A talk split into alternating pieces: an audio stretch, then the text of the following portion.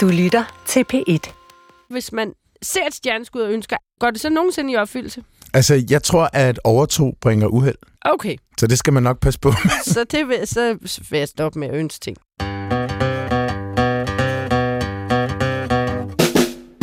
Du lytter til Vildt Naturligt på P1. Dine værter er Den altid vidunderlige og evigt unge Johan Olsen. og fuldstændig fantastiske Vicky Knudsen.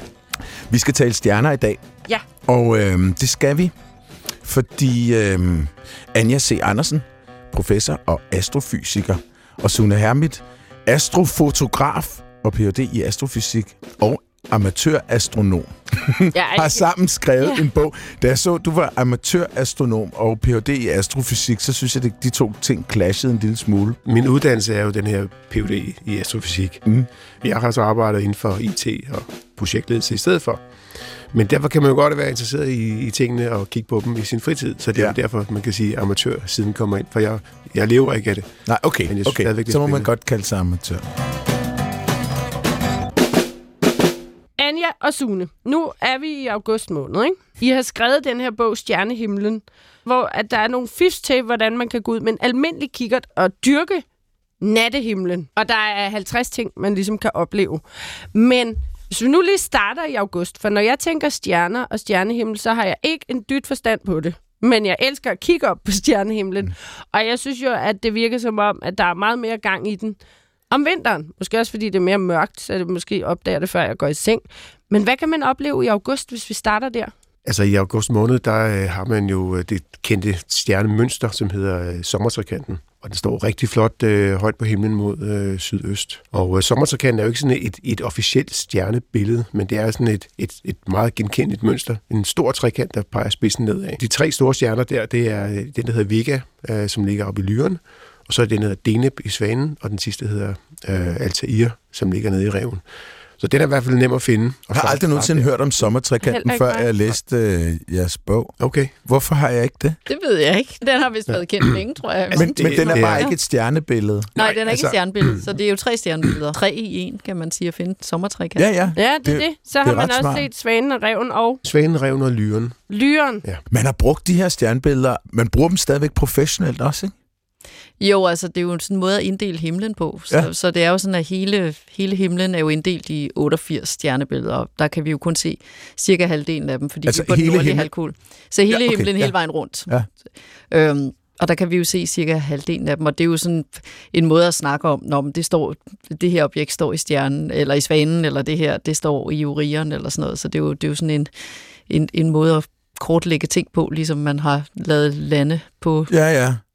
Kloden. Ja, så man kan orientere sig. Ja. Jeg kan også huske, at i forbindelse med noget andet arbejde, så har jeg skulle forholde mig til nogle stjerner, som så hedder et græsk bogstav, og så det stjernebillede, de er i. Ja. Jeg kan huske, at jeg skulle læse en del om Gamma Draconis. Ja, jamen, det er jo, der er det jo... Gamma Draconis. Det lyder sådan lidt hokus pokus. Jamen, det er jo lavet af, af, af folk, som, som gerne ville kategorisere stjernerne, ikke? Så man havde jo stjernebillederne, og så gav man dem jo navn, sådan så at, at, øh, at alfa var den klareste, og beta var den næst Ah, klareste, derfor. og, Mm. og så videre dernede af. Når man så Altså, løber tør for de græske bogstaver, så bruger man bare tal. ja, så bruger man... Så, øh, så der er en stjerne, der hedder 54 lyra for eksempel. Ikke?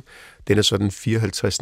Øh, klareste i, i lyren. Ja. Og de fleste af stjernerne har jo faktisk arabiske navne, fordi det var jo faktisk, øh, hvad skal man sige, arabiske lærte, som, som startede med at give stjernerne navne. Så det er de navne, som egentlig stadigvæk holder ved. Sejt. Og så var det Okay. grækerne, der kom med stjernebillederne, som jo hørte til alle de gode savn. Mhm. Mm-hmm. Altså, du ved, Ja. Urian, der jager øh, syvstjernen, som er syv søstre, som øh, Zeus jo sat på himlen, fordi Urian var ret vild med de der unge kvinder. Ah. Og de var døtre af, af Atlas, og han skulle jo holde øh, jorden oppe. Så han havde ikke sådan mulighed for ligesom at slippe den, kan man sige, og passe på de der piger. Så derfor så, øh, så for at beskytte dem, så lavede Zeus dem op til stjernebilleder og satte dem op på himlen, og satte Urian op et andet sted, hvor han aldrig kan nå dem. Så der løber han rundt sammen med sine to hunde, store hund og lille hund. Og Nej, nå, er det hans hunde? Ja, ja, ja. Nej, hvor sjovt. Ej, så bliver det lige pludselig meget... Altså, det er faktisk ret godt. Det er lidt ligesom læresætninger, når man skal lære øh, fugle. Øh, vi har Ja. haft fuglestemmer før, ikke? Hvor man, det, det, det kan jeg sige lidt tit, skal være. Så er det lidt lettere at huske, at han bare render hvileløst rundt deroppe med sine hunde der. Nej, hvor fedt. øhm, han- han, øhm, jeg synes, det var at måske en lille smule hyklerisk, det der med Søvs, der passer på døtrene. Mm. Han var altså en gris. Jeg ved at lave dem om til at lave et stjernebillede. Nå, nej, men han, Søvs var en gris. Ja, ja, men han havde det jo med at forvandle sig til nogens mand, ikke? Ja, jo. Eller også var det Eller bare en en god historie. Ja, ja. Altså, Ja. om, skat, jeg troede, det var dig. Ja, jeg troede, netop. det var dig. Jeg vidste ja. godt, du var ude at Ah. sejle, men, men det lignede Ja, dig. Så det må være Søvs, der har forklædt Ja. sig. Ja. Der er utrolig mange af de her stjerner, som simpelthen starter med A, eller hedder alt et eller andet. Øh, Jeg har jo forskellige øh, hvad skal vi sige, styresystemer til mine teleskoper, og når man så skal scrolle igennem de her lister af stjerner for at aligne sit teleskop, så er der altså vildt mange, der starter med A. Så, så der er ja, helt klart det der arabiske aftryk øh, i det. Men alene, altså, så du indstiller det lidt? Øh, Jeg har jo taget øh, rigtig mange af de billeder, som er i bogen, og de er jo taget over flere timer, mange af dem. Hvis man bare stiller teleskopet op på stativ, så fordi jorden roterer jo, mm. så vil øh, stjernerne lave sådan nogle lange streger på billedet. Ja. Og for at undgå det, så skal du nødt til at rotere teleskopet med stjernehimlen, så at sige. Sådan så, at når man tager de her billeder over flere timer, så er den samme stjerne i den samme pixel hele vejen igennem, så at sige. Mm. Ja. Nå, Så på den måde kan man sige, at der er ret meget teknik i at tage de her billeder. Ja. Øh, det er selvfølgelig ikke noget, vi kommer ind på i bogen, fordi det er jo bare til illustration i bogen, ja. at det man kan se, når man kigger med sin kikkert. Altså, jordoverfladen lige her bevæger sig, så vidt jeg regnede ud forleden dag, med 943 km i timen. Det er meget. Det er nemlig temmelig meget. Det er 15 grader i timen. 15 Øh, grader i timen. Ja, ja det tager øh, 24 timer om 360 grader, ikke? Så, Nå ja, så, ja, så sådan hænger det sammen. kan jeg vide, hvor han har det tal fra? Mm. Øh, men, Det- men det er faktisk rigtig meget, øh, så, så man skal... Ja, det er jo meget fascinerende, alt det her astrofotografi, at, øhm, at vi, når jeg har stillet mit udstyr op, og det står og tracker himlen der, så, øhm, så tracker det med en præcision, der svarer til, at du holder et menneskehår ud i en strakt arm, og en 20. del af bredden af det menneskehår, så præcist øh, følger vi stjernehimlen over flere timer. Nej, hvor vildt. Men det er meget godt, det ikke er sådan, man skal gøre med fugle. Så var de altså fløjet før, ja. at, øh, at der blev trykket et klik. men, men den her bog, den er jo egentlig tænkt som, at når man så har kigget på dine fugle om dagen, ja. At så kan man bruge den samme kigger til så at gå ud og kigge på, på stjernerne. Ja, så Øh, jeg, sådan helt, helt enkelt og helt lavpraktisk, ikke? At man tager sin fuglekigger, og så peger man op mod stjernerne, og så er det, hvad man kan se der. Mm. Øh, hvis man ikke har det store tekniske udstyr, og ikke sådan lige overgår sig at sætte sig ind i det, men gerne vil have en god oplevelse med nattehimlen. ja. Så det er sådan de, de lavt hængende frugter, kan man sige, vi beskriver, mm. hvad, kan man, hvad kan man så gå ud og... Jamen, der skal man også se, starte. Det er også dejligt. Men der er det meget godt for folk at vide, at vi jo netop bor på en kugle, hvis nogen skulle være i tvivl om det, som roterer. og, øh, og det betyder jo, at det ser ud som om, at stjernerne bevæger sig hen over himlen. Så der, der er en forskel på, om man går ud klokken 8 om aftenen, eller klokken 1 om natten, eller klokken 4 om morgenen. Ja. Så, så er det noget andet, man kigger på. Ja. Men det betyder også, at man har den glæde, at man jo egentlig bare står stille på jorden, og så passerer stjernerne op over en. Ikke? Ja. Så derfor så oplever man hele tiden noget nyt. Jeg så også, at du skrev, Anja, at, øh, at det var sådan lidt en pangdang. Det var nattehimlens øh, pangdang til øh, fugle i haven, eller fuglene i haven. Og det synes jeg var meget fint, så det der at have sådan øh, en, en lille guide til at gå ud og ligesom starte på det her, fordi også bare når du siger, hvor mange der er inden for A i øh, alfabetet der, så er der er lidt meget at kigge på derude, ikke? Jo, og der er jo mange stjerner, hvis man kommer ud et sted, hvor det virkelig er mørkt, ikke? Altså Ja. noget på Møn, hvor der er dark sky eller sådan Ja. noget. Og man kigger op, og man måske er vant til at kigge på stjernehimlen fra en stor by, mm. øh, hvor der er meget sådan, baggrundslys. Så bliver man jo overrasket over, hvor mange stjerner der er. Og så hvis man står der med fuglekikkerten, så kan det måske være svært at vide, hvor man skal starte, hvis man gerne vil se noget, som er andet end bare en lille lysende prik. Jamen, det er det. Hvis der er helt mørkt og milliarder af stjerner, så synes jeg som øh, ikke vidne inden for stjernehimlen, at det kan være lidt svært øh, selv med retning og hvad vej jeg skal dreje mig for at se. Så, og så ender vi altid ved, der er Karlsvognen. Godt så. Så ja. har vi styr på den, og så, mm. så kører det derfra. Ikke? Men hvordan opstod ideen til det, Anja? Det var jo egentlig altså faktisk det der med, at, at en af de ting, som Sune og jeg brænder for, det er, at vi vil faktisk gerne have folk ud og få mm. en oplevelse med stjernehimlen selv. Altså den der med at stå derude og opleve tusmørket og være ude om natten og, og, og ligesom opleve stjernerne, ikke? Fordi man kan jo finde alle mulige virkelig lækre Hubble-billeder fra Hubble-teleskopet eller fra 8 meter kigger den Very Large Telescope nede i Chile, som er nogle selvfølgelig virkelig flotte billeder. Og det er Mm. ikke helt så flot, det man kommer til at se med øjet, men til gengæld så kommer man til at se det selv. Ja. Altså, så, så den der oplevelse af at være ude, og måske ovenikøbet tage børnene med ud, og så de også får den der oplevelse af at stå derude om natten. Ikke? Og så er det jo lidt ærgerligt med Danmark, fordi at når det er rart at observere stjerner om sommeren, så har vi de der skønne, lyse sommernetter, som gør, så ja. kan man faktisk ikke se særlig meget, fordi natten ikke er sådan mørk. Og når nattehimlen er virkelig mørk, så er det altså virkelig koldt. Ikke? Så, men så er, det jo altså, så er der jo heldigvis meget god tøj og kaffe ja. på termokanden, ja, eller præcis. varm kakao eller noget. Varm ikke? kaffe med. Men der var så peget på, øh, august og september er faktisk rigtig, rigtig gode måneder, lige mm. præcis på grund af det. Fordi øh, her i august, der begynder det faktisk at blive mørkt igen. Øh, og for sådan en som mig er det jo en glæde at sige, nej nu, du dukker stjernerne op igen, ikke? Mm. Og man kan se dem inden for, hvad skal vi sige, hvis man stadigvæk har normale arbejdstider, og ikke skal være op til klokken 3 om natten, ikke? Øh, september er også en fantastisk måned øh, til stjernekiggeri, så øh, det, det er faktisk øh, lige nu, at sæsonen starter op ja. igen. Og lige den her august, der kan man faktisk stadigvæk opleve planetparaden, altså sådan, så man mm. kan se fem planeter på, på nattehimlen. Tidligere om morgenen skal man godt nok ja. tidligere op, ikke? Ja. Så man skal enten, fordi det er sådan noget klokken 4 om morgenen, så kan, okay. man, øh, så kan man have fornøjelsen af både Mars, Jupiter, Saturn, og så når man nærmer sig solopgang, øh, Venus og ja. Merkur, hvis man er virkelig... Øh, skarp, ikke? Mm. Hold da op. Det er svært at se Bekur, altså, det, ja, det er det, det, fordi ja. den, den er, det er lige en solopgang. Jeg synes, det var så sjovt, da jeg indledte. Altså, jeg er et sommermenneske. Jeg går hen over vinteren og venter på, at nu bliver det lyst igen. Men jeg elsker det der kapitel, I indleder ved at sige, de lyse sommeraftener er overstået.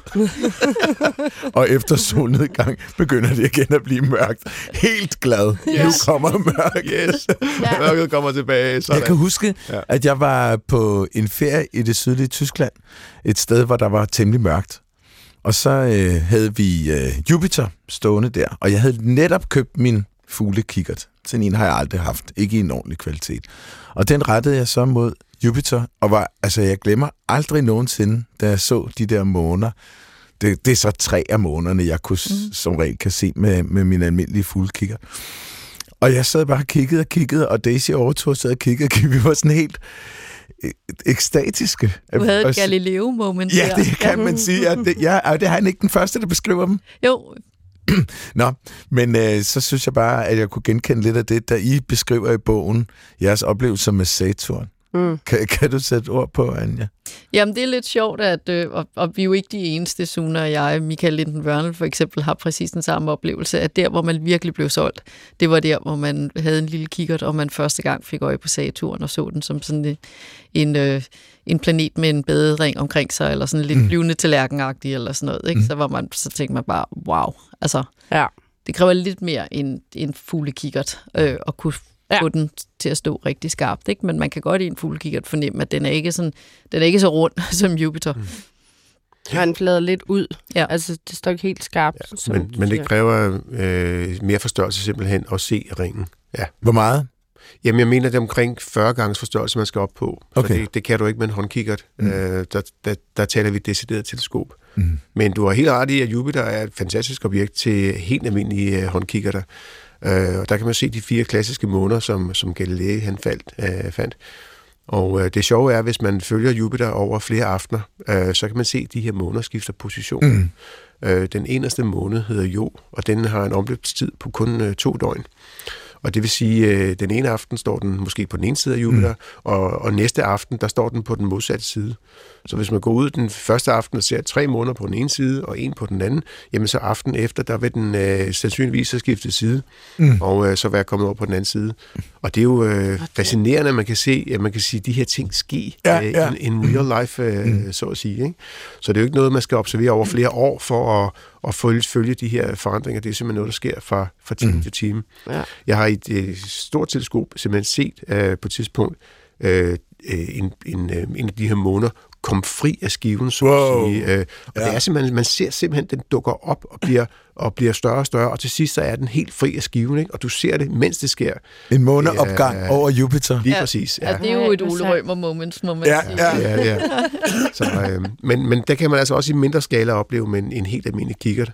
Så der er mange, der tror, at man skal have øh, meget specialiseret udstyr og have, øh, sætte sig ind i alt muligt, men det skal man altså ikke. Mm. Det er bare at tage den og, og rette den op mod himlen, og så mm. lave måske en lille skitse øh, på et stykke papir, og så næste aften gå ud og se, kan vide, om, øh, om mm. det står sammen. Ja, vi bliver jo begge to tit kontaktet af folk, der gerne vil købe en kigger til deres børn, og så er de sådan, om oh, hvad skal vi gå ud og købe og sådan noget, ikke? Og der er vores anbefaling egentlig, jamen start med sådan en fuglekikkert, fordi det, der er fedt med en fuglekikkert, det er jo, at det er jo bare at tage den under armen, og så skal man så huske, at man skal være ude for, hvor det er mørkt i noget tid. Fordi før får man ikke nattesyn. Så der går Nej. sådan en kvarter til 30 minutter, før at, øh, at ens øjne vender sig til, at det er rigtig mørkt. Ja. Og så kan man altså se meget flere detaljer, og så kan man næsten få sådan en helt magisk oplevelse, hvis man kigger op på stjerner, hvor det næsten føles som om, at stjernehimlen kommer tættere mm. på. Mm. Og så ved man ligesom, når man oplever det der med, at det føles som om, hov, der rykkede stjernehimlen tæt på mig, så har man fået det, man kalder nattesyn.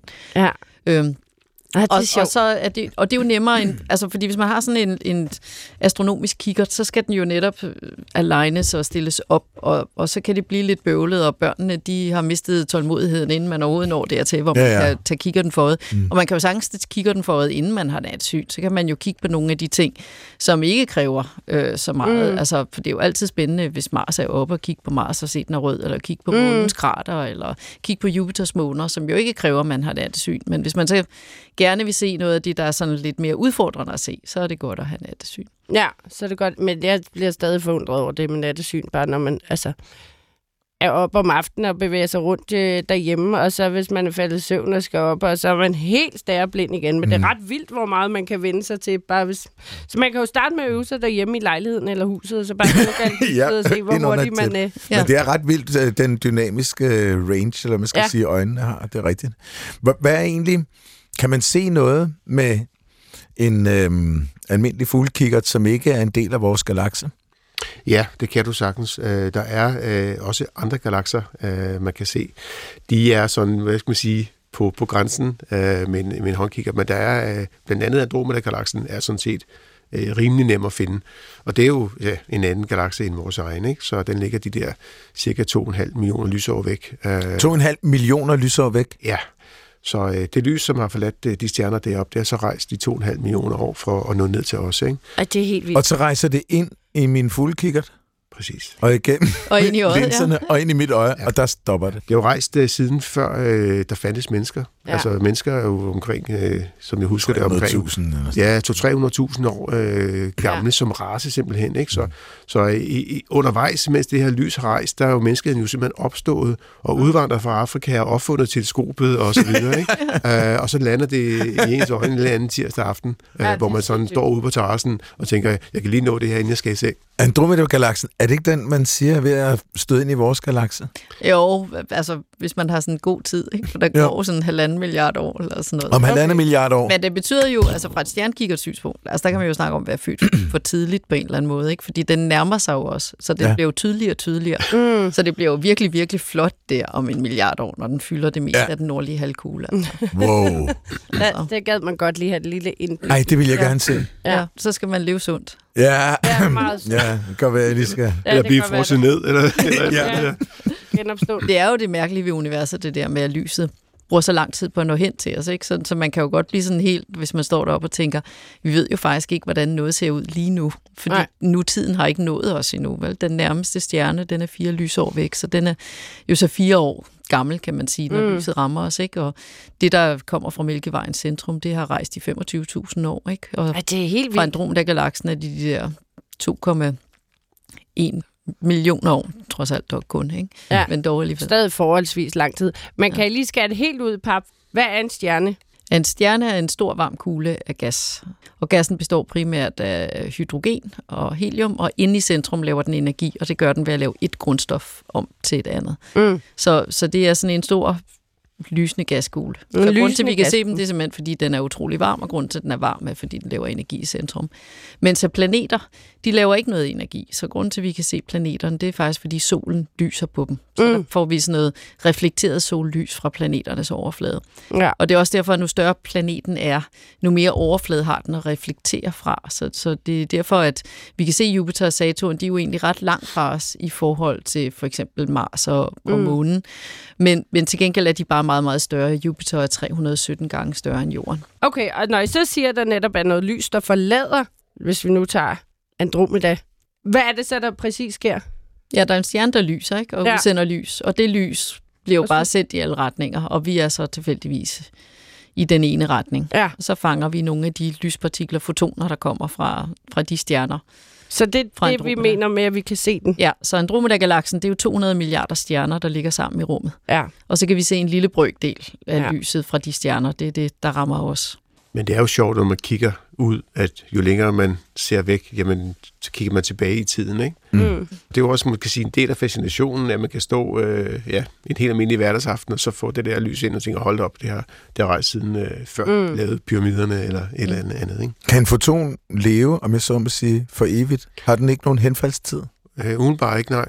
Wow. Altså, den afgiver jo sin energi, når den rammer noget, ikke? Så Ja. når den rammer ja. din linse, så afgiver den jo energien til, til dit øje, så er, det, så er det jo det. Altså, et foton er jo bare en lille energipakke, kan man sige. Så det er jo Mm. bare en lille mængde energi. Der er jo mange sådan fundamentale partikler, elementarpartikler, som, som har en halveringstid, Mm. og som forsvinder. Ja, men der er jo ikke noget, der tyder på fotonerne. Vi, Er det- Altså, Sune har jo, du lavede jo PhD, gjorde du ikke i Jo, jo, jeg skulle lige til at sige, øh, de første fotoner, vi kender er jo fra cirka 300.000 år efter Big Bang. Det er det, der hedder den kosmiske mikrobølgebaggrundsstråling. Ja, Øh, og de findes, øh, er der jo endnu, og øh, dem kan man måle på, altså når de kommer strømmer ned til os og fra himlen, og så kan man måle på de her øh, mikrobølgestråler. som er 13 milliarder år gammel. så. Ja, godt og vel, ja. Mm. Og, og det er jo, altså, så på sådan en gammeldags radio, hvor man har brus mellem radiostationerne, der er det jo sådan cirka 1% af det der støj. Det er jo faktisk Det er mikro- fotoner fra Big Bang, altså fra mikrobølgebaggrundsstråling. Eller hvis man har et tv med flimmer på, Ja. så 1% af det der flimmer, det er faktisk fotoner fra, fra varmelyden fra Big Bang, som, som vekselvirker med tv'et. Nu er I jo begge to øh, astrofysikere. Startede det med at have nogle forældre, der også var astrofysikere, eller var det det her med at gå ud og kigge på stjernehimlen og tænke, wow, Altså for mit vedkommende, jeg er vokset op på landet, øh, ikke i gamle dage, så at sige. Øhm, og jeg synes bare, at nogle gange, det var meget sjovt at stå og kigge øh, og se på de her lysende prikker op på himlen, og tænke, Mm. mm. kan, vide, kan vide, hvad det egentlig er, og Ja. kan vide, hvad man kan finde ud af øh, om dem. Øhm, så ligesom øh, man kan sige, en, en læge kan finde ud af utrolig meget af, ud af en dråbe blod ved at undersøge den, ikke? så kan man sige, ud fra det lys, vi får. Vi får ikke andet. Vi kan jo ikke tage ud og tage prøver af stjernerne, eller, eller tage solstjerner og klaske dem sammen og se, hvad der sker. Mm. Øh, så, så det er jo ud, kun ud fra det lys, der kommer, Mm. mm. øh, kan man finde ud af utrolig meget. Det synes jeg egentlig bare var sådan fascinerende. Så mm. i, i løbet af gymnasiet havde vi jo sådan lidt i fysikundervisningen øh, omkring stjerner og sådan nogle ting. Så tænkte jeg, Det var egentlig meget spændende. Så øh, da jeg så skulle læse videre, tænkte jeg, nu kan jeg så godt tage det, for det synes jeg lyder meget sjovt. mm. Men jeg kunne lige så godt være blevet fascineret af, af noget med DNA eller biologi eller et eller andet andet. Men øh, nu var lige der, jeg fik fat, og, ja. og øh, så, øh, så kan man sige, studiemiljøet på, på øh, Astronomisk Observatorium, hvor vi, vi læste, Anja og jeg, var, var vildt fedt. Altså utrolig engagerede lærere og, og nogle meget små hold, så man øh, lærerne kunne ens navne og sådan nogle ting. Øh, så, øh, så det er jo også med til at, at, at ja, jeg vil sige, binde, binde en fast. Og, Mm. mm. øh, og, og, jo, og jo, som regel er jo sådan, at jo mere man finder ud af, øh, jo mere man bliver man fascineret også over det, som man så mangler at finde ud af. Øh, så det synes jeg bare var super spændende at, at grave mig ned i. Det er også videnskabshistorisk er det jo også ret spændende, hvad man har gennemgået i forhold til idéer om, hvad, hvad himlen er for noget, himmelvælvet og stjernerne og planeterne er for noget. Mm. Ja, altså astronomi er vel en af de ældste videnskaber, kan man sige. Ikke? Altså, det startede jo med at komme ind, fordi at, at man skulle holde styr på tiden. så, så det var sådan en kalender ikke med, hvornår var det, man skulle så og høste, og Mm. hvornår skete der begivenheder og sådan noget. Ja. Og så er det jo blevet et helt studie i sig selv, øh, specielt efter vi har fået kigger der, så vi jo rent faktisk, og man er blevet bedre til at forstå, hvad lys er, så vi rent faktisk kan sige noget om, hvad der er derude. Ja. For mig, der, øh, så hvor, hvor Sune jo var, hvad skal man sige, ligesom Paul Rickard var dus med himlens fugle, så blev du dus med himlens stjerner.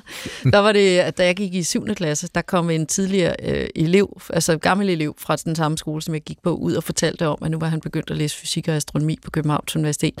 Og så viste han sådan lysbilleder, som, som det hed dengang, så gammel er jeg, fra, øh, fra Voyager øh, øh, 1 og 2, som var på vej ud forbi Saturn og, og Jupiter. Og der var det jo sådan, at før det, der havde man jo bare sådan nogle virkelig små, nidrede kikkertbilleder fra jorden, og så fik man bare de der fuldstændig fantastiske satellitbilleder fra de her rumsonder, der fløj ud forbi. Ja. Og, og så var jeg bare helt solgt, og så gik jeg hjem til min far og mor og sagde, at jeg vil gerne være astronom ligesom Uffe. Og så sagde de heldigvis, at det synes de der lød spændende. Jeg tror ikke, de vidste, hvad det var. Altså, Nej. ingen, ingen af mine forældre har et studentereksamen, så jeg tror bare, de tænkte, at det er da rigtig fint. Hun vil noget med at læse, og det synes min mor var godt, fordi min mor var gået ud af 7. klasse, så det var meget vigtigt for min mor, at jeg skulle have papir på at få den uddannelse, hun ja. aldrig selv fik. Ja, nej, jamen, det er også... Min mor gik også ud af 7. klasse. Det var, der var også meget opbakning til, hvad end jeg gerne ville læse. Du havde jo også din tid i Afrika, Saudi-Arabien. Saudi-Arabien. Ja, jamen, kort tid efter, der flyttede mine forældre til Saudi-Arabien. Mm. Og så øh, for, at understøtte min ny, nyvundne interesse, eller for at bestikke mig, det, det kan man jo diskutere, så fik jeg faktisk en kikkert. Og, og man kan jo sige rigtig meget om Saudi-Arabien, men der er en virkelig fed ting ved Saudi-Arabien, det er, at det er aldrig overskyet. Og så er man jo tættere på ekvator, så man kan se noget af den sydlige himmelkugle. Ah ja. Og der er rigtig mange ting, man ikke må som ung pige, men man må godt sidde udenfor om aftenen, når det er stjerneklart. Og det er det jo så hver aften, og kigge stjerner. Mm. Så, så det var så det, jeg fik de to år til at gå med. Men har I en, både et, et et yndlingsfænomen, man kan se, eller en yndlingsstjerne, eller en yndlingsgalakse, med en håndkikkert? Nu holder vi os til håndkikkert og yndlingsårstid. Altså, jeg, vil, jeg kan ikke nøjes med en. Jeg vil sige, at det at stå ude og se et stjerneskud, øh, det er altid en øh, overraskelse. Der kommer pludselig den her, det her lysglimt hen over himlen, mm. øh, og man når øh, ikke at sige til den, der står ved siden af, øh, så du det, fordi så er det allerede væk. Mm. Så den der, øh, pludselig holdt op, der var noget der, Ja. og nu er den væk igen. Øh, og det er altså en, en kæmpe oplevelse hver, kæmpe, men altså det er en, en fed oplevelse hver eneste gang. Ja. Jeg har en enkelt gang fanget sådan en med en håndkigger, og det var simpelthen, fordi jeg stod og kiggede efter noget andet. Og så mens jeg kiggede, så kom der et stjerneskud igennem øh, synsfeltet. Nå. Og det var faktisk meget sjovt øh, at prøve det. Så, så det, det vil jeg sige, det er en kategori, og der, og der behøver man ikke engang en håndkigger, fordi at du, at tværtimod vil jeg sige, du skal jo dække et stort areal af himlen med dine øjne, og så når du ser et eller andet bevæge sig, så, så var den der. Ikke? Ja. Og der kan man jo finde de her øh, meteorstorme, som er med jævne mellemrum. Øh, der kommer et øh, her i, i efteråret. Så det er den ene. Øh, så vil jeg nævne sådan noget som øh, den her kugleformede stjernehob øh, M13 i øh, Hercules, som også et fedt objekt, øh, også med en håndkikkert. Og den, øh, den kan altså ses øh, nu her. Øh, i de M13? Her, M13, ja. Ja. Øhm, det er en, øh, en, en kæmpe hob af stjerner, som, som ligesom ligger og kredser omkring øh, deres fælles tyngdepunkt i sådan et, et virvar af stjerner. Der er en, en halv million stjerner samlet inden for et meget lille område. I, I Mælkevejen. I Mælkevejen, ja. Den ligger de her 35.000 lysår herfra, så den er del af Mælkevejsystemet, men, men forholdsvis langt væk alligevel. Og øh, den kan altså ses med en håndkigger som en, en ulden klat mm. øh, oppe i det stjernetegn, som hedder Hercules. Og hvis man vil finde Hercules, så skal man finde, som vi var inde på tidligere, sommertrikanten. Den klareste stjerne er øverst op til højre, det hedder Vega. Og så kigger man, ja, så skal man så kigge til højre, for det kan man sige, ikke? Mm. Øhm, mod, mod vest, øh, så, øh, så ligger Hercules der. Så der er et lille søgekort i bogen, hvis man vil, vil finde den. Ja, der er nogle ret fine anvisninger i bogen til at finde frem til de her objekter. M13, M13. Andromeda kalder I M31. Ja. M, altså er Jamen- det alle togerne, der... Nej, men det er, det er en sjov historie. Det skyldes en øh, gammel franskmand, som hed Charles Messier, øh, som sad i Paris og observerede øh, stjernehimlen, og han var besat af at finde kometer. Øh, og kometer er jo sådan, når man kigger på dem med en kikkert, så er de sådan lidt uldne og har tit sådan en hale, og måske kan man ikke se halen, men i hvert fald kan man se, de uldne. Så øh, det var han meget interesseret i at finde, og øh, derfor så øh, hver gang han så noget på himlen, som var sådan lidt uldent, øh, kunne det måske være en komet, så skyndte han sig at skrive ned, at øh, her og her har jeg set et uldent objekt. Og øh, det er sådan med kometer, de skal jo ind og vende omkring solen, så øh, de skifter position i løbet af, af nogle, øh, nogle dage eller nogle uger. Så, øh, så gik han tilbage til de her objekter og kiggede på dem en gang til, og øh, rigtig ofte så var de der stadigvæk. Øh, det var sådan set ikke meningen, fordi så var det ikke en komet, og så havde han jo egentlig øh, ikke opnået sit mål, men han lod stadigvæk sin optagelse stå. Og alle de her ting, øh, som han så fandt, øh, havde så, fik de her M-numre, simpelthen for hans efternavn, Messier. Ja, og, okay. øh, og det er derfor, den hedder M13, så det står simpelthen som nummer 13 på hans liste. Han lavede simpelthen et helt katalog over ting, som ikke var kometer. Det er altså skide sådan sjovt, sådan et fordi- øh, nitte, nitte katalog. Ja, Ja, ja, ja, Ikke det er bare overskud. Andromeda-galaksen var irriterende. Ikke? Ja. Her er Hercules var irriterende. Ja, det er sådan lidt, hvis du ser den her, så gå videre. Ja. Ja, Hvor, hvor, Den øh, ikke- hvornår gjorde han det her? ja det var i øh, 1760'erne, 1770'erne. Wow, jamen ja. så, der havde man jo ingen anelse om, at universet var større end vores galakse. Præcis. Nej. Jeg ved ikke engang, om man havde en idé om, at vi var i en galakse. De havde heller ikke idé om, at der fandtes andre galakser. Øh, Det var først mm. senere. Ja. Så de så simpelthen bare de her uldne objekter på himlen og tænkte, hold op, der er noget uldent her. Det skriver jeg, sætter lige et kryds, øh, kryds i listen her. Ikke? Mm. Øh, og, den, og derfor er den her liste rigtig sjov for os, øh, som er amatører, fordi når han kunne se den i 1760 fra Paris med en linsekikkert på 10 cm, så betyder det, at det er et relativt øh, klart objekt, mm. øh, som er så nogenlunde til at finde. Så den her liste med øh, Messier-objekter, det er sådan en, en øh, ja, hvis man som amatørastronom ligesom kan hakke dem alle sammen af, så har man, øh, så har man gjort det godt. Ja. Jeg vil så sige, at der er en del af dem, der er svære at se fra Danmark, simpelthen fordi de ligger øh, så lavt i den sydlige horisont, at, øh, at øh, han Så er han observerede også Paris. fra den sydlige halvkugle? Nej, han er observeret fra Paris, men øh, det er altså tilstrækkeligt Nå. øh, længere mod syd, at ja. han har Ja, kunne, okay. kunne lige akkurat spotte dem, øh, når de var i, i hans mm. øh, sydlige horisont. Men øh, de er så øh, ja, helt nede ved, ved havoverfladen hos os, så at sige, og øh, nogle af dem er rigtig svære at spotte. Ja, det er det med at være på en kugle. Ja, Ja, ja, ja. Der har vi det igen. Men øh, nej, så det er simpelthen en liste over skuffelser, dybest set, Ja. ja. øh, han Ja. ja. lavede der. Ja, ja så Andromeda-galaksen øh, har jo ikke altid heddet Andromeda-galaksen, det hedder Andromeda-togen. Altså fordi man, man tænkte, det var en stjernetog, som Ja. ja. var del af Mælkevejen, og man tænkte, at Mælkevejen var hele universet. Ikke? Jo. Først i 1923 faktisk, at Hubble viste, at Andromeda-togen lå uden for Mælkevejen. Lå uden for ja. Vores egen Jeg har så mælkevej. ofte tænkt på den der. Nå, Edwin, hvordan gik det så på arbejde i dag?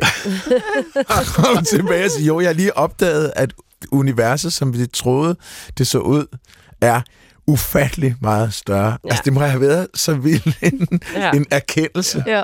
Ja. Og Men det var jo en langsom erkendelse. Det var jo ikke sådan fra den ene dag til den anden. Ej, jeg ved det det tog jo godt. sådan cirka 10 år før. Men, men forestil dig lige, ikke? Når så den første her Andromeda-togen, det er i virkeligheden en anden galakse. Hmm, hvad med alle de andre Ja. ja. toger, ikke? Lige præcis. Det må have været sådan et, øh, du ved, hjernen letter bare at sige, Ja. det ved jeg Ja. ikke, øh, ja. Ja. Tænk, hvis alle de andre også er, ikke? Ja. Ja. Og dem, der er små, er de i virkeligheden bare små, eller er de bare meget længere væk, ikke? Ja. Ja. Ja. Altså, så har man fast arbejde resten af Ja, sin, det jeg sige, sin arbejds, Men det har man jo som forsker. Ja. Det er egentlig ufatteligt, at han ikke fik øh, Nobelprisen. Ja, men ja, det er det. Ja, men, man, opdagelse. men man gav jo ikke Nobelprisen dengang til astrofysik, fordi, eller, fordi det var jo astronomi, så man synes jo ikke, det var fysik. Og, og det er jo Nobelprisen i fysik. Ja. Ja. Så første gang, man valgte at give Nobelprisen i fysik, det var faktisk øh, til pulsar, altså hurtigt roterende Altså astrofysik? neutronstjerner. Ja, Ja, okay. astrofysik, det, var, det var første gang, man ligesom...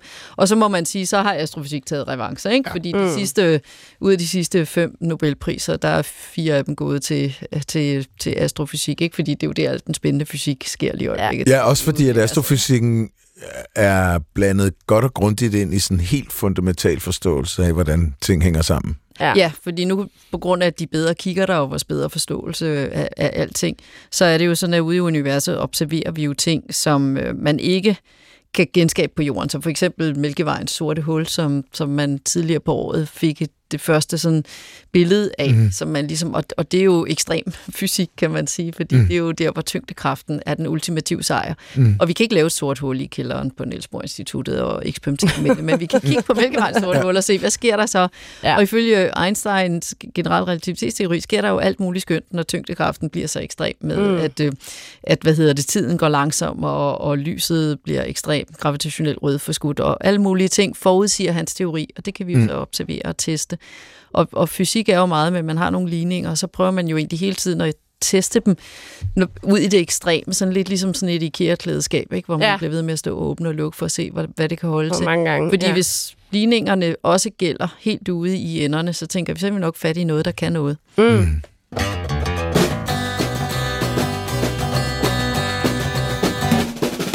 Du har en lyd med. Ja, men det er faktisk øh, Claus Jensen, der har sendt Mhm. en lyd. Det har faktisk en form for relevans til programmet. Det er måske lidt langt ude relevans, men jeg vil forklare til sidst, hvorfor det har en form for relevans. Ah, det er en søstjerne, der bøvser. Det var lidt hurtigt, du gættede den, Johan. Nej, øh, og Claus har optaget en lyd, så kan I jo gruble lidt over den, så kommer forklaringen til sidst i programmet.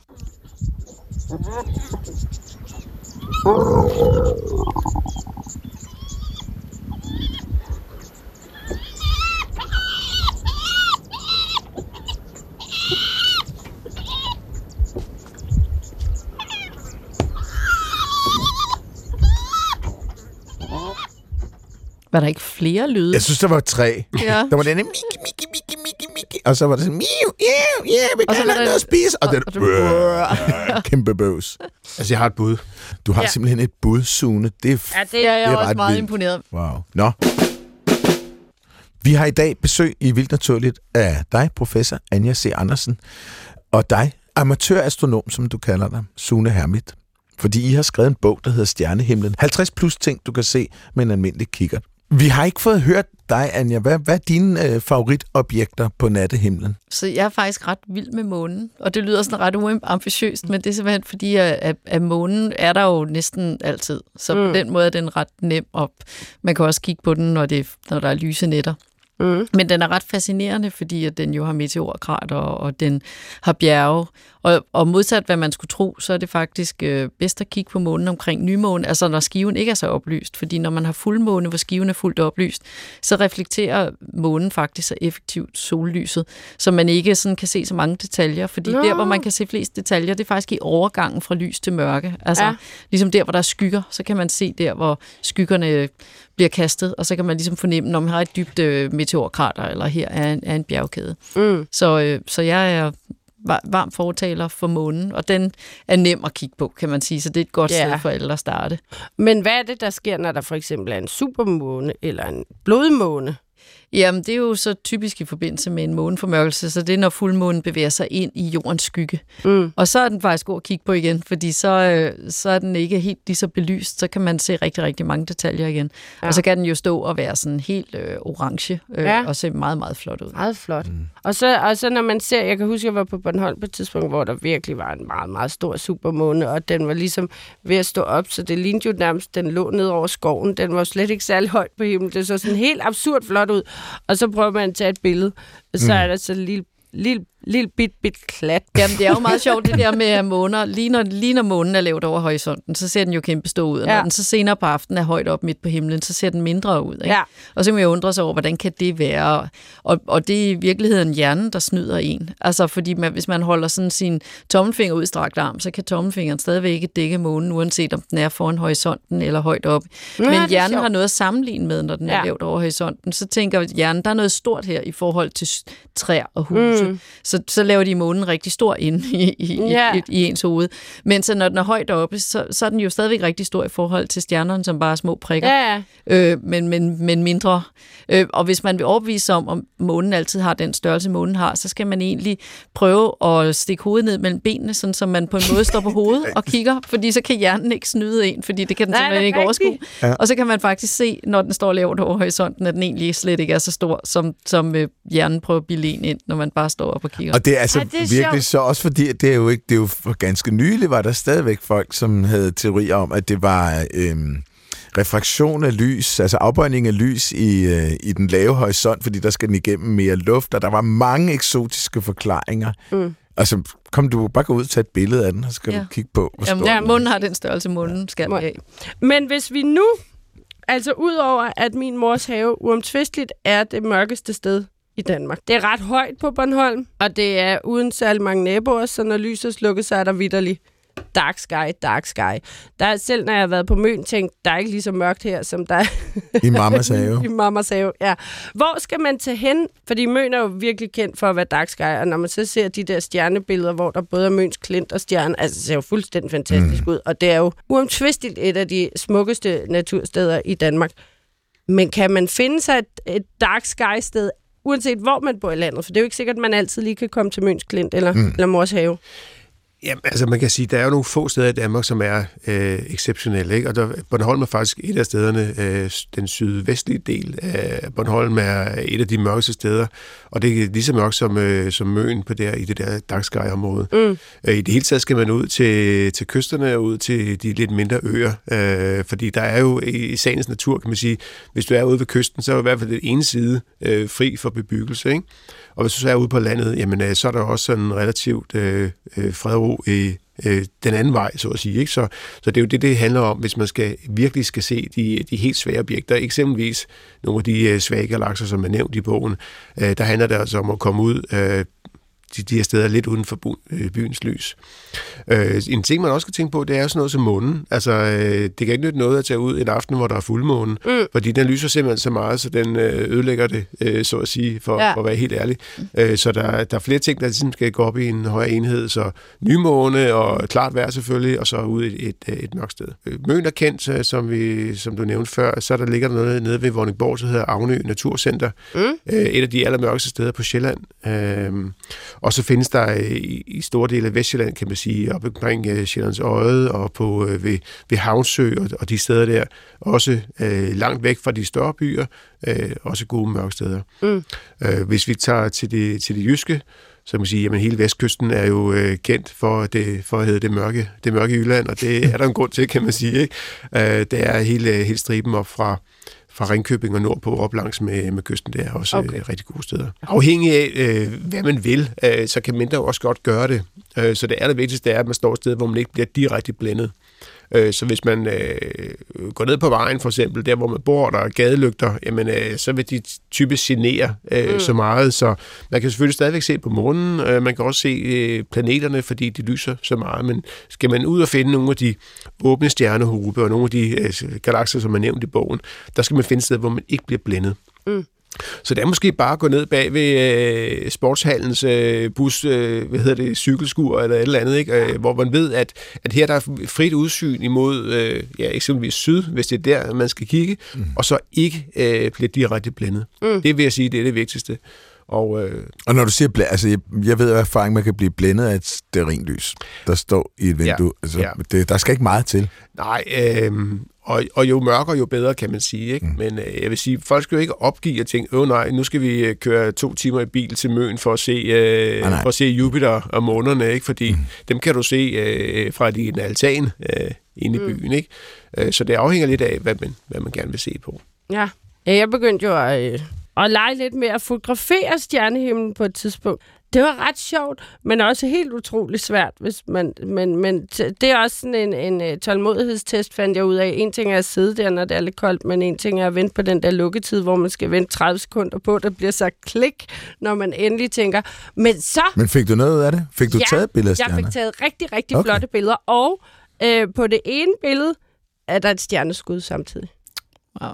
Ej, Hvor heldigt har det lige været, at det ligget lige samtidig med, at stjerneskuddet nåede ned. Der er det jo nok værd at nævne, at nu her inden for de sidste to år, så er antallet af satellitter blevet fordoblet. Mm. Så man, øh, man kan opleve noget, som kan snyde en lidt som værende stjerneskud, nemlig at der er sådan en stjerne, der pludselig bevæger sig hurtigt hen over himlen, Ja, som så i virkeligheden er en satellit. Altså, det kan man jo så forvisse sig om, at den forsvinder ikke. Den bevæger sig bare fra, øh, helt fra den ene side af himlen over til den anden side af himlen. og den har fart på. Ja, de har meget fart på. De skal jo nærmest jorden rundt på 90 minutter. Ikke? Øh, Når Andreas Mogensen skal op på sin halvårs mission til den internationale rumstation, så er det sådan, at den internationale rumstation, det er jo det største objekt. Altså, Mm. så den, øh, den er ret klar på nattehimlen. Så kan man se, hvornår det er, den flyver. Den flyver ikke altid over Danmark, men gammel flyver den over Danmark. Så kan man stille sig ud og vinke lidt. Så kan man vinke til Andreas. Ja, han, Ej. kan, man vil ikke kunne se det, men man kan selv få fornøjelsen af. selvfølgelig kan han se til det, Anja. Ja, selvfølgelig kan Når vi vinker det. til Andreas. Det, er Det kan da ikke være så svært Nej, nej.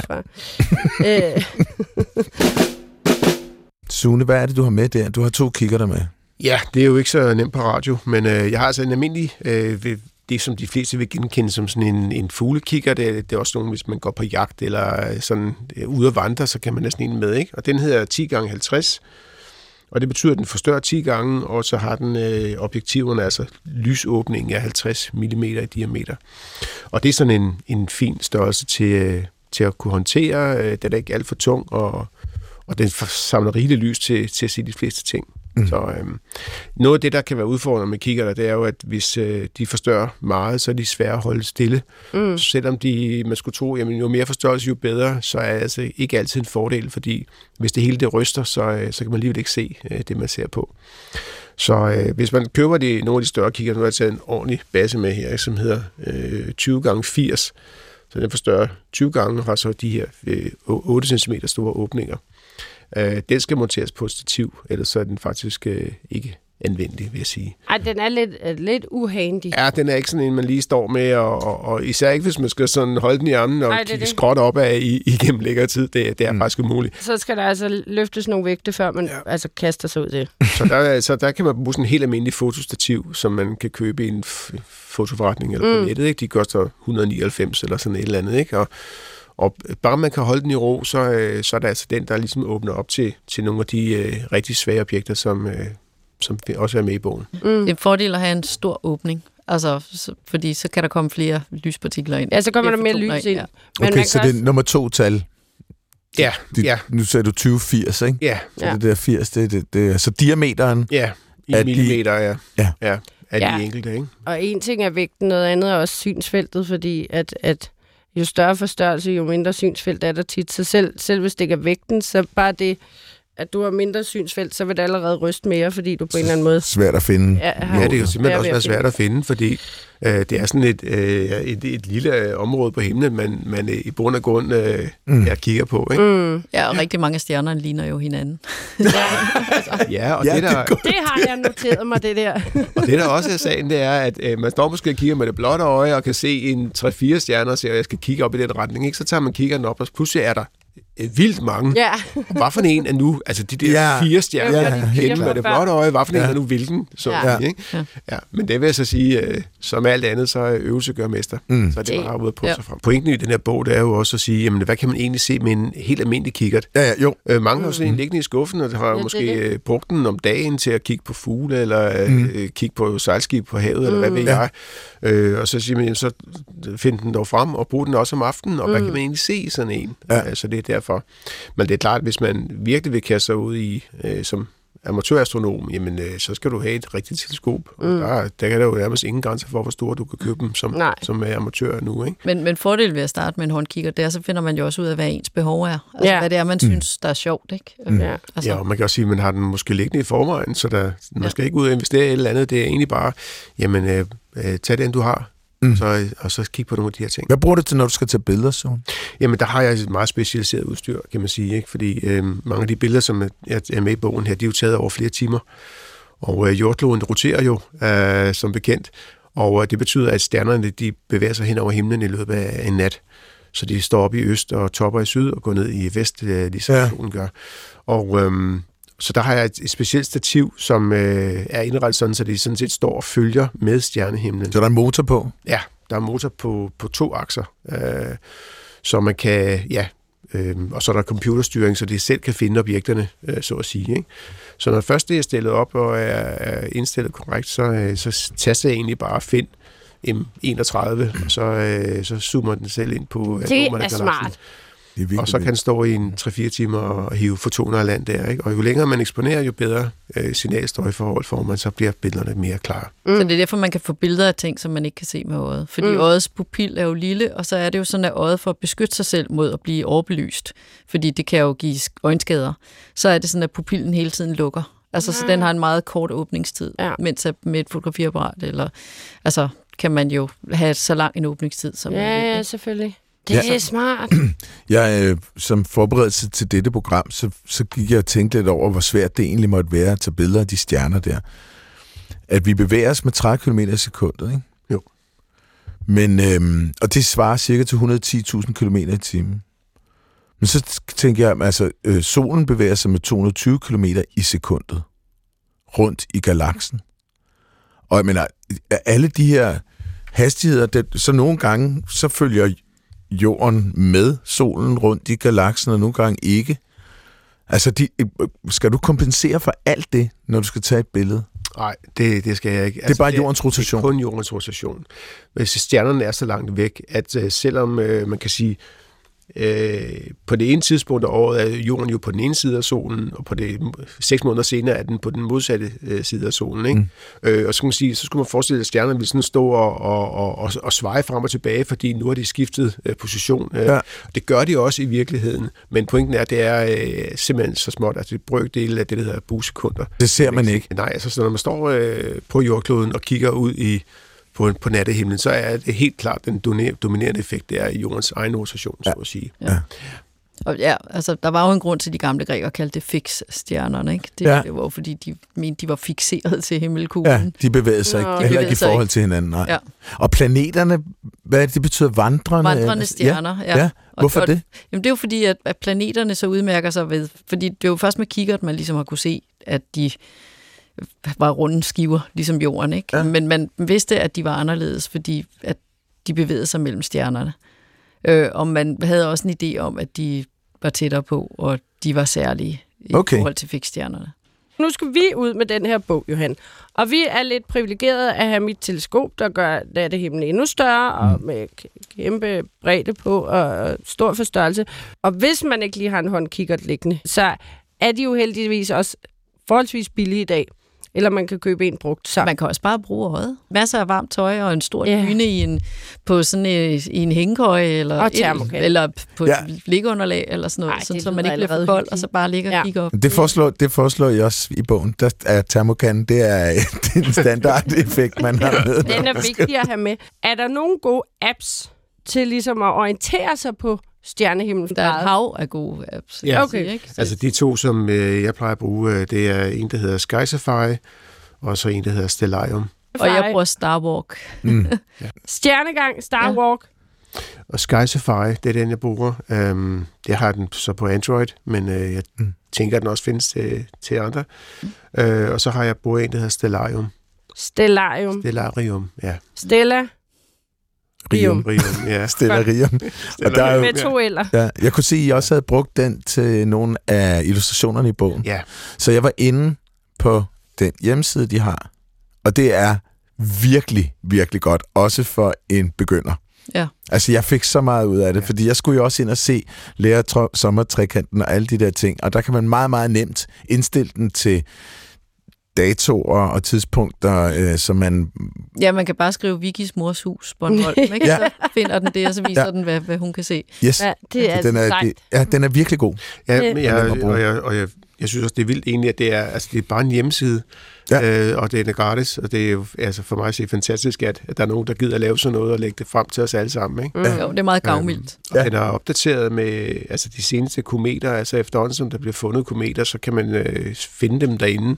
Og øhm, jeg bruger den meget, også til at planlægge mine øh, observationer. Man kan sige, det er jo nogle få af mine billeder, der er med i den her bog, men øh, jeg tager jo mange andre også, kan man sige, ikke? Mm. Øh, og mere eksotiske ting, som, som ikke kan se i sin håndkikkert. Men øh, Mm. jeg bruger den øh, rigtig meget til at simpelthen planlægge, øh, hvornår står et eller andet givet objekt op, og kan overhovedet se det i aften og så videre. Og hvis man gerne vil se dine billeder, så skal man gå ind i Facebook-gruppen Astronomi for alle, ikke? Jo,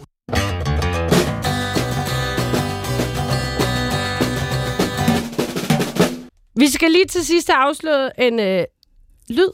Ja, det er Ja. ja. rigtigt. Er I klar til at høre den igen? Mm. Og det er altså Claus Jensen, der har sendt den her lyd.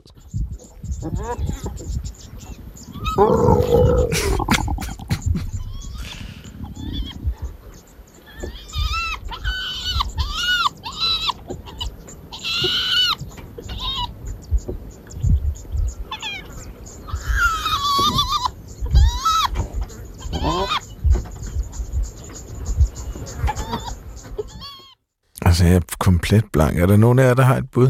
Suna. Jamen, øh, jeg, jeg tror, den sidste lyd, det er et pindsvin, som har virkelig ondt i maven. Okay, yes. ja. Jeg tænkte faktisk Det er også et glimrende bud. øh, undervejs, men Ja. jeg, har, jeg har ændret mening. Og jeg tænker, det er sådan en eller anden hættemåge med nogle sultne unger. Ja. Mm, også et glimrende bud. Ja, jeg tror ikke, det er en hættemål. Jeg tror, det er øh, næbdyret. Næbdyret med unger. Som har ondt i maven. Nej, de har det fint. De er Okay. bare, de er bare Ja. sådan teenage-agtige. Ja. Ja. Ja, ja. Du ligger på min sofa og sådan noget. Mm. Jeg synes, det er tre virkelig gode bud. Uh, utrolig forkerte, men gode bud. uh, det er fordi, at... Nu sagde jeg jo, at der var, var uh, altså et, et, lidt et, et link til programmet, men det er fordi, da jeg var i Afrika første gang, Mm. og eneste gang indtil videre, jeg håber meget at komme tilbage, der skulle vi sidde ude på savannen midt om natten og, og kigge efter leoparder, hvilket ikke er nervepirrende på ladet af en buggy, sådan mm. helt åben. Men der var jo den flotteste stjernehimmel, så, altså, så det er faktisk første gang, jeg sådan virkelig stussede over, hvor sindssygt stjernehimlen var, mm. fordi at Mælkevejen stod helt klart, og Mars lyste, og Venus lyste, og altså, jeg havde ikke engang kigget med der midt om natten, den brugte jeg kun om dagen, jeg skulle have haft den med til at kigge på alle de her ting. Mm. Men det var meget, øh, meget flot. Og Claus arbejder som safari-guide i Afrika. Dertil den røde tråd. Det havde jo været en info, der havde været god. er- men hun hjælper Ja, aldrig. Hun, Anja, hun hjælper hjælper aldrig. Altså, du får Nå, ingenting. Men altså, Claus skriver... Så er det ikke et næbdyr. Claus er altså fast... Næppe heller en hættemål. Claus er fast lytter hele vejen fra Afrika. Det vil ja. Ja. jeg altså gerne takke Ja. Claus og alle andre lytter for. Det er dejligt også at have, have vores lytter sådan spredt lidt ud over Ja. kontinenterne. Men har arbejdet i Afrika i 24 år, og øh, for nogle uger siden optog han den her lyd, som er en lidt anderledes. Og når man har arbejdet som safari guide i 24 år, så må det være altså lidt anderledes, end hvad man hører normalt. Hyænelyd. En hyæne. Det er en hyæne. Ja, det, den, den havde jeg sgu ikke gættet. Okay, nej. Jeg synes også, det lyder Jeg synes ikke, den lød så ikke særlig øh, hyæneagtig. rovdyragtigt. Nej. Ej, de kan jo godt grine på den der lidt. Jo, jo, men... Ja, nej, men det, det, sige, det var sgu ikke... Den havde jeg ikke gættet. Nå, hvem kom så tættest på? Uh, vi er jo begge to ude i noget pat. Det, det skulle nok Sune. Ja.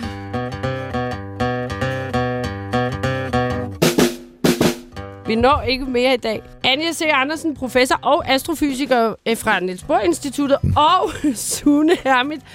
Nu sagde du amatør-astronom, men nu kalder vi det altså benhård astronom og Ph.D. i astrofysik og astrofotograf, Mm. Som har skrevet den skønne bog Stjernehimlen. Ud og grib håndkiggeren og ud og kigge på stjernehimlen. og læs Anja Sunes skønne bog, så er man godt rustet til de første oplevelser.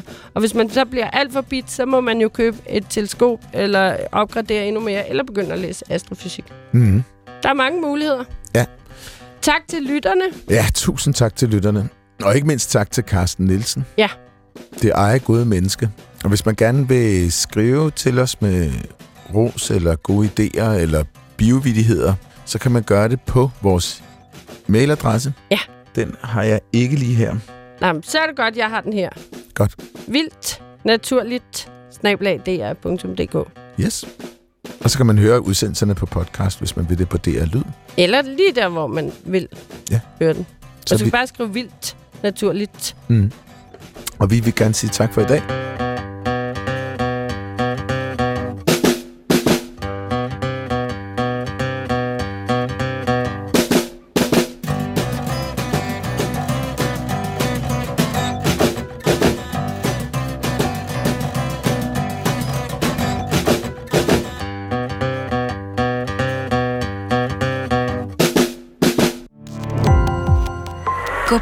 Opdagelse i alle DR's podcast og radioprogrammer. I appen DR Lyd.